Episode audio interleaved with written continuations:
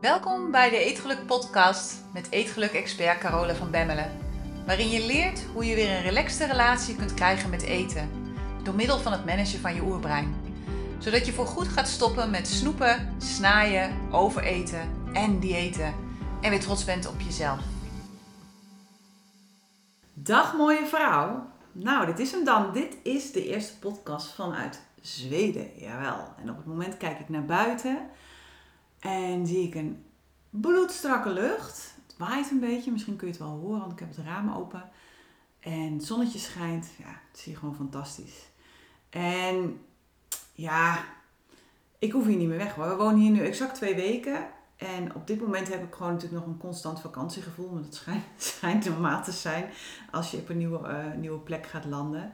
En, maar ja, aan de andere kant, het komt denk ik ook wel ja, vanwege de plek waar we nu wonen. We wonen namelijk aan de rand van een golfbaan. Nou, en het is een enorm golfgebied, een enorm natuurgebied. En in dat gebied hebben de Zweden een prachtige golfbaan aangelegd.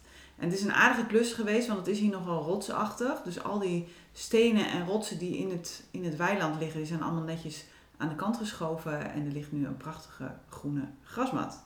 Nou, ik heb helemaal niks met golf. Maar vrienden van mij die hier uh, vorige week al waren, toen we nog net niet alle verhuisdozen hadden uitgepakt, maar dat was echt wel super leuk.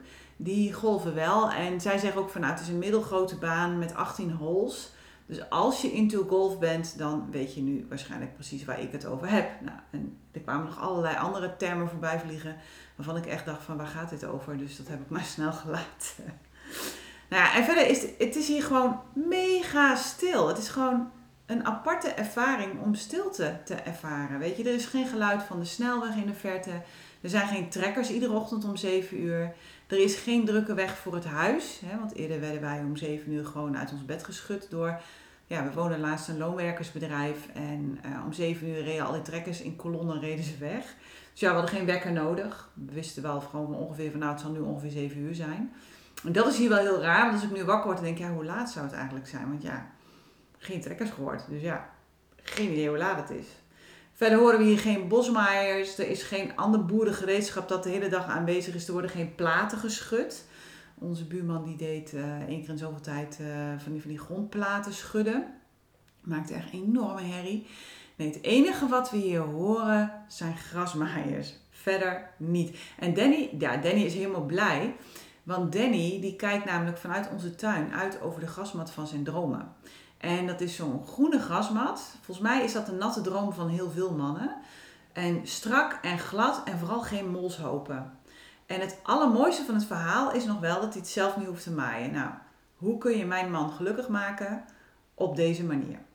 Nou, het hele gebied, en het is best een enorm gebied, en als ik met de hond ga lopen ben ik meer dan een uur bezig. Dat is omheind met schrikdraad om te voorkomen dat wilde zwijnen en elanden over het grasveld gaan lopen of gaan woelen. Ik dacht van nou dat is voor de reeën, maar die springen er gewoon overheen natuurlijk. De reeën die lopen hier dus ja, bij bosjes en die lopen gewoon echt heel relaxed chillen. Ik kwam in de eerste week kwam ik een keer thuis en toen zag ik een ree. Nou, heel bijzonder natuurlijk, want ja, hoe vaak zie je een ree? En ik zette de auto neer en ik keek naar links en er lag er gewoon eentje naast het huis in de schaduw te kijken. Zo ik weet niet wat je hier komt doen. Maar dit is wel uh, mijn rivier, dus uh, ik ga hier niet aan de kant. Die bleef ook gewoon liggen. Dus het was echt wel heel, heel erg ja, leuk. Nou, daarnaast zag ik laatst een ree lopen met twee jongen, ook hier voor in de tuin. En uh, dat is echt wel heel bizar. Want het waren echt nog twee hele kleintjes. Dus die waren echt nog maar net geboren. En ze liep daar gewoon met die twee kleintjes alsof het de normaalste zaak van de wereld was. Even boodschappen doen, weet je wel. Maar dan in de vorm van de tuin kaalvreten. Dus dat wordt nog wel een dingetje met mijn makkelijk moestuin. Want zoals hij er nu staat, wordt het waarschijnlijk een saladebuffet. En daar moet ik dus nog wel even wat op verzinnen. Bij de buren hebben ze alle rozel opgevreten. En het is overal echt wel een ding. Dus de mensen hier zijn er niet zo heel erg blij mee. Maar ja, goed, aan de andere kant, ik, tot nu toe vind ik het nog wel heel mooi. Ik heb nu ook mijn bakken nog afgedekt, dus tot nu toe gaat het goed. Maar we hebben toch maar wel schrikdraad besteld. En ja, ik hoop dat het helpt vraag het me af. Dus ehm, ja, de oogst van dit jaar zie ik dan wel even als een, eh, een heel groot experiment. Het is even niet wat, ja, het is gewoon even niet anders.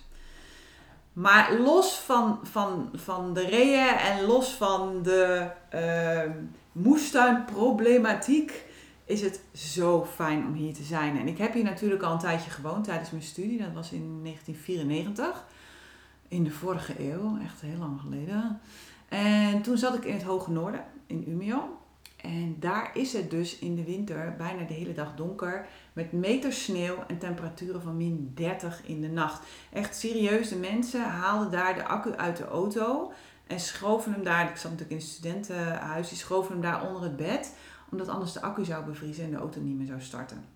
Nou, en zelfs toen, ondanks de duisternis en de kou, wilde ik hier al blijven. Ik vind het hier gewoon echt heel erg fijn. Maar ja, ik moest mijn studie afmaken en daarna had ik een vriendje. Dus ja, toen is eigenlijk de Zweedse droom een beetje verdampt. Maar goed, toen het uiteindelijk uitging met dat vriendje, en dat is, was ruim tien jaar later, ik was toen 36, 37. Toen kwam de droom weer in beeld en was ik ook wel serieus plannen aan het maken. En ja, goed, toen kwam Danny voorbij. En Danny woonde op dat moment in Duitsland. Dus ja, in plaats van Zweden werd het toen Duitsland. En ik dacht ook, nou ja, goed, als ik me in Zweden kan redden, kan ik me in Duitsland ook redden. Maar Duitsland is niet echt mijn land. Ik bedoel, ja, weet je, de mensen zijn echt aardig hoor. Echt.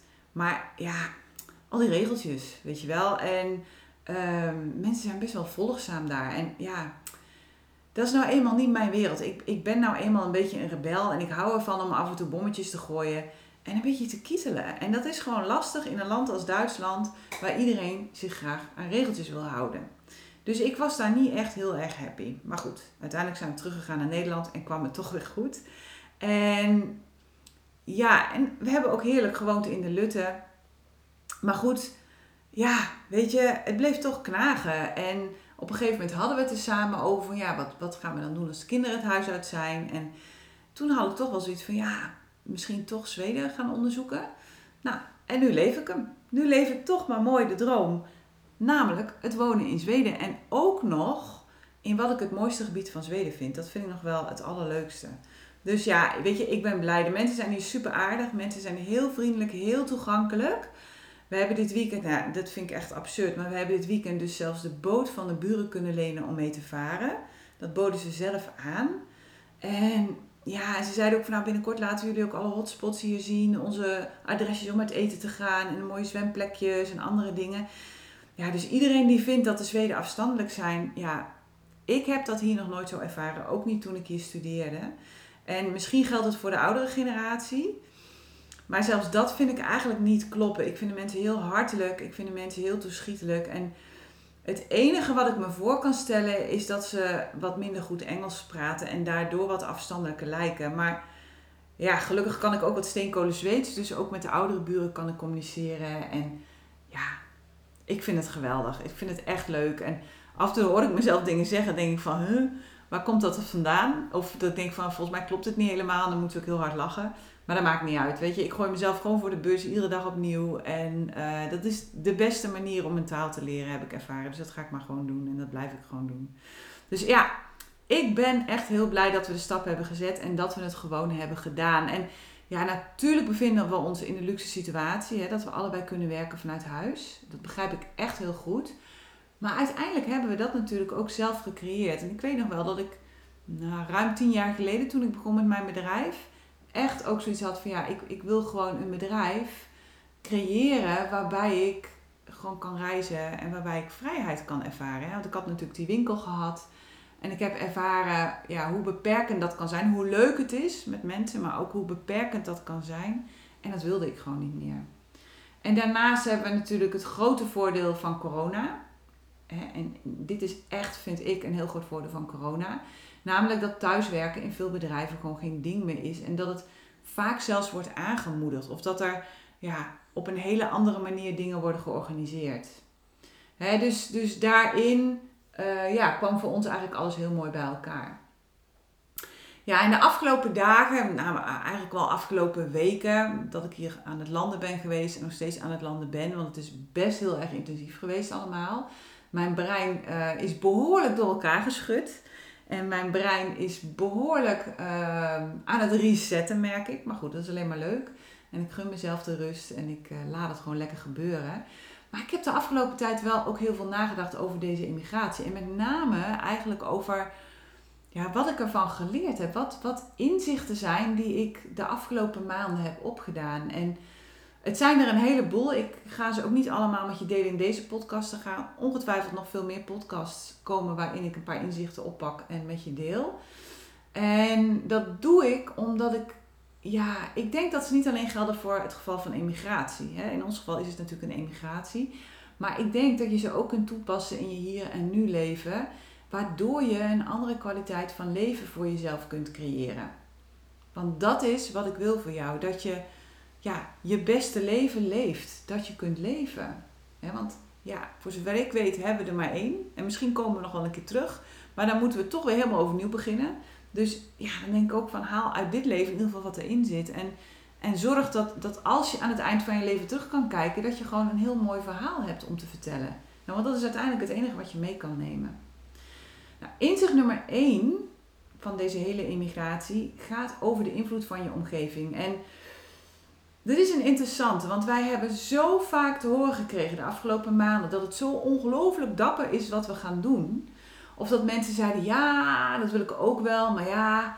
En dan kwam er een hele sliet aan redenen waarom het voor hen nu vooral niet mogelijk was. Want eigenlijk wilden ze het ook wel, maar ja, kinderen of ouders of kleinkinderen of werk of gezondheid, nou ja, bladibladibladibla. En dat is helemaal oké. Weet je, soms zijn er gewoon redenen waardoor dingen nu niet kunnen. Maar als het het geval is, kies dan heel bewust voor die dingen die jij nu belangrijk vindt. Ga niet jezelf verschuilen achter een situatie of over, achter andere mensen. Hè? Want ik heb dat zelf natuurlijk ook een aantal keer gedaan. Ik ben natuurlijk in 94 teruggekomen. Toen heb ik er heel bewust voor gekozen om in Nederland te blijven.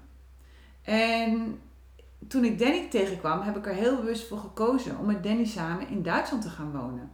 dus de Zweedse droom was echt een aantal keer in beeld. En iedere keer heb, ja, heb ik eigenlijk heel bewust een andere keuze gemaakt. Omdat ik op dat moment andere dingen belangrijker vond. dus verschuil je nooit achter andere mensen of situaties. Maar kies heel bewust voor datgene dat je nu belangrijk vindt. En soms betekent dit dat een droom nog even een droom zal blijven. Soms betekent het ook dat je nooit je droom zult realiseren. En de vraag is dan, hoe erg is dat? Want ik hoor zo vaak mensen zeggen dat je je dromen moet leven, maar ik ben het daar gewoon niet mee eens. Want je dromen leven kan ook heel veel stress met zich meebrengen. en zeker wanneer je je droom wilt leven, omdat je denkt dat je je dan beter gaat voelen. Want in dat geval is het geen droom, maar dan is het een vlucht. en dat is ook iets dat wij heel zorgvuldig hebben onderzocht. Want ja, weet je, we waren natuurlijk wel aangekomen op een nieuw punt in ons leven. Eerlijk is eerlijk. De kinderen waren het huis uit en wij moesten onze relatie echt opnieuw uitvinden. Want de afgelopen jaren hebben behoorlijk in het teken van de kinderen gestaan.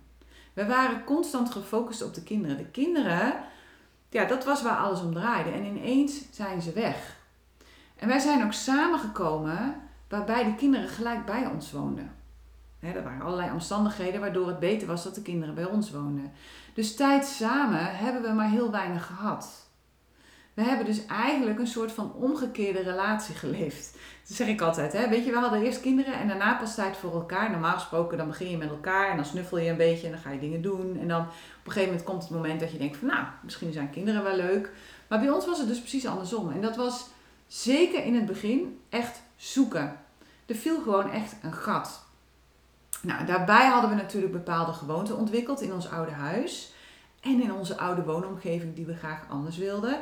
En hoezeer alles ook begint met de gedachten die je denkt, de omgeving waarin je leeft en de mensen waarmee je omgaat, die speelt wel degelijk een hele belangrijke rol. En dat is echt een wisselwerking. Ik bedoel, kijk, als je depressief bent, dan zal je huis waarschijnlijk niet het meest opgeruimde huis zijn van de buurt. Dan heb je misschien je gordijnen de hele dag dicht. Ehm, het zal niet een uitnodigend, fris, schoon huis zijn op dat moment omdat je brein dat op dat moment gewoon niet kan creëren. je zult bepaalde eetkeuzes maken en daardoor zal je depressiviteit worden gevoed. Daardoor zal het waarschijnlijk alleen maar erger worden. En hetzelfde geldt natuurlijk voor geld. Wanneer je overal rekening hebt liggen en het is niet georganiseerd, dan zul je geldstress gaan ervaren in je brein. En die geldstress creëert op haar beurt dat je te veel geld uitgeeft, omdat je het overzicht kwijt bent. Met als gevolg natuurlijk weer rekeningen overal. En Danny en ik hebben hier veel gesprekken over gehad. En uh, best wel verhitte gesprekken ook. Want ik was namelijk bang dat we gingen vluchten. ik vond dat we het met ons hoofd en onze gedachten uit moesten zoeken. En dat we hardcore ons brein moesten managen. Maar hij was het daar natuurlijk niet mee eens. En nu moet je weten dat ik een ontzettend wijze man heb. En ja, in die end had hij dus gelijk. Hate to say it, maar hij had gewoon gelijk. Want de kwaliteit van je gedachten wordt absoluut beïnvloed door de kwaliteit van je omgeving. En ook al begint het allemaal met je gedachten, dan nog heeft de omgeving wel degelijk invloed daarop. Dus wanneer je omgeving verandert, zullen automatisch je gedachten veranderen en omgekeerd. Dus het is wel degelijk mogelijk om de kwaliteit van je gedachten te veranderen door de kwaliteit van je omgeving te veranderen. En daarvoor hoef je natuurlijk niet te emigreren zoals wij. Hè? Dat hoeft echt niet. Wat wij hebben gedaan is natuurlijk best een rigoureuze stap. Maar het kan ook al genoeg zijn om gewoon eens flink op te ruimen en schoon te maken. Of om kapotte dingen te repareren of te vervangen. Of om gewoon eens te kijken van welke uh, dingen in mijn leven heb ik een negatieve herinnering aan. Of denk ik negatieve gedachten over. Kan ik die loslaten of kan ik dat op een andere manier gaan zien? Of om eens kritisch te kijken naar de mensen en de vrienden die je om je heen hebt verzameld. vullen ze je of voeden ze je? Kosten ze je energie of krijg je er energie van? En als jij niet heel bewust jouw omgeving vormgeeft, dan zal uiteindelijk jouw omgeving jou vormen. kijk maar naar mensen die opgroeien in ghetto's of bijvoorbeeld in grote armoede. Maar ook naar mensen die opgroeien in een rijk milieu. Jouw omgeving vormt. Jouw omgeving en de mensen waar je mee omgaat beïnvloeden jouw gedachten en jouw acties. Niet voor niets is het gezegd dat je een optelsom bent van de vijf mensen waar je het meest mee omgaat. Dus plaats jezelf in een omgeving die je wilt creëren voor jezelf. Plaats jezelf heel bewust in een omgeving waar je je ondersteund en fijn voelt. In een omgeving die past bij de jij die je wilt worden. Waarin jouw toekomstige zelf zich fijn voelt. In een omgeving waarin je je kunt ontwikkelen. Waarin je kunt groeien. Waarin je iedere dag meer de persoon kunt worden die je wilt zijn. Dat was de eerste inzicht.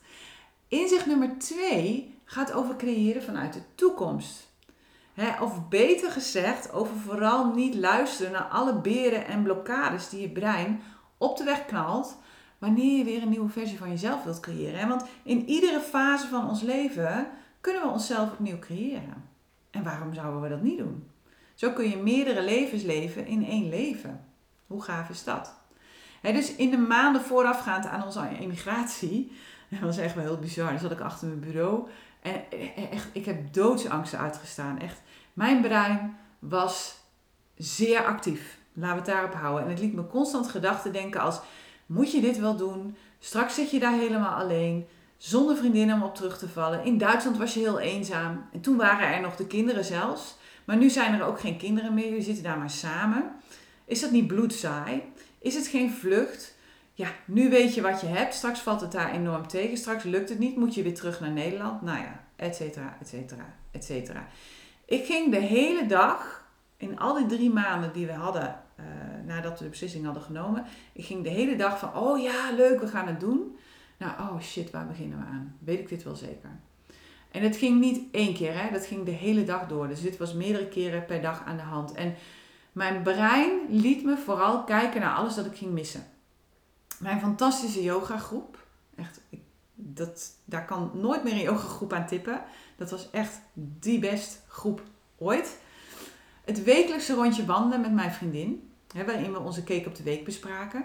Waarin we heel veel uh, elkaar hebben geholpen in allerlei processen waar we in zaten.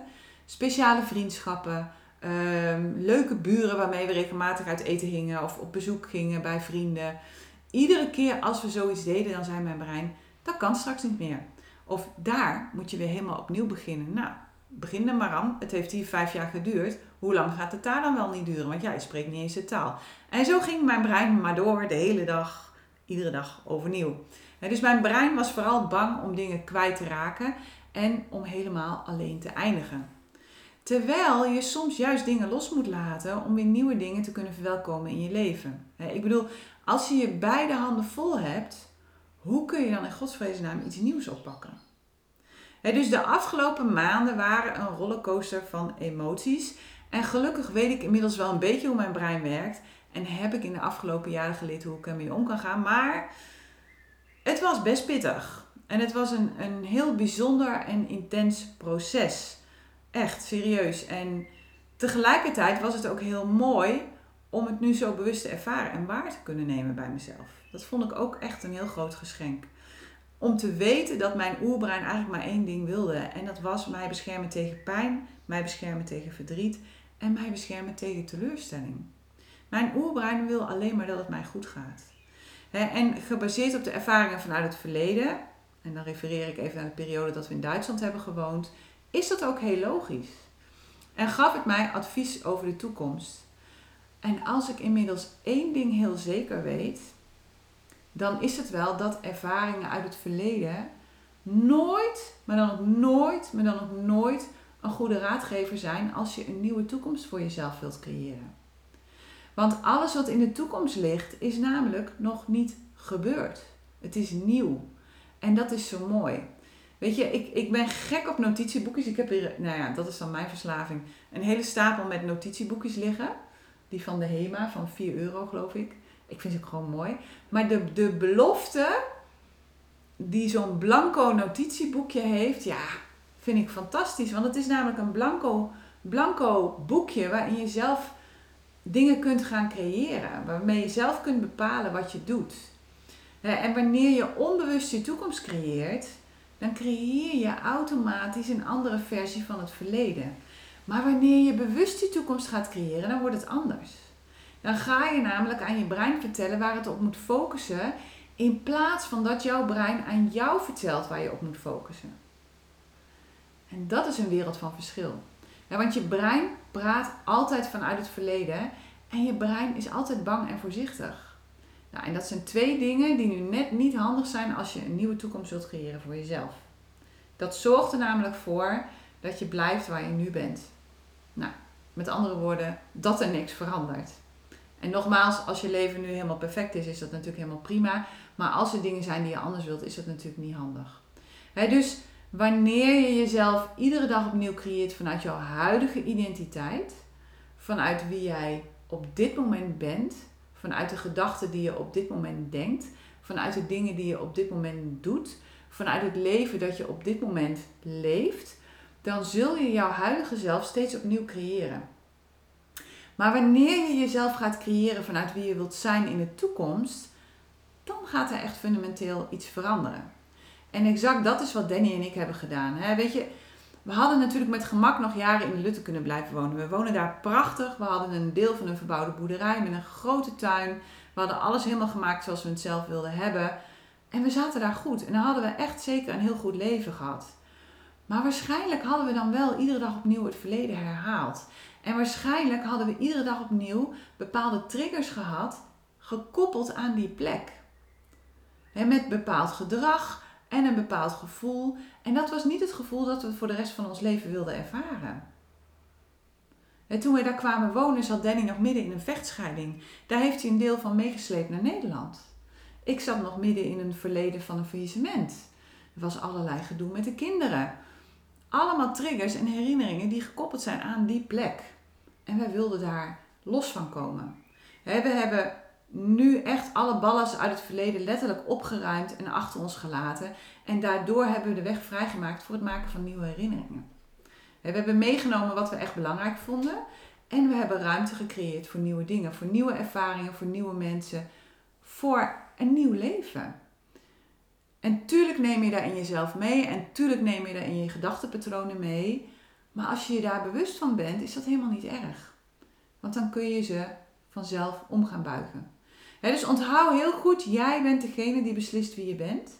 Niet het verleden en ook niet andere mensen die je vertellen wie je zou moeten zijn of wat je zou moeten doen. Jij. Jij beslist wie je bent en jij beslist wat je wilt zonder je schuldig te voelen. En het is jouw leven. Het is jouw leven. En leef het. Alsjeblieft, leef het en leef het nu. Het kan maar zo ineens voorbij zijn, dat zien we ook vaak genoeg. Goed, dat was het weer voor deze week. Ik heb zoals gezegd nog veel meer inzichten en nog veel meer lessen die ik met je wil delen. Dus dat ga ik de komende periode zeker ook doen.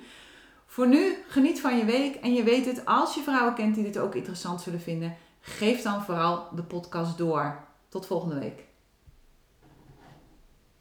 Hey, als je het fijn vond om naar deze podcast te luisteren Kijk dan eens naar de Eetgeluk Universiteit. Dit is de Netflix op het gebied van eetgedrag, waarin ik dieper inga op alles dat ik deel in deze podcast. En waarin ik je leer hoe je dit kunt toepassen in jouw leven.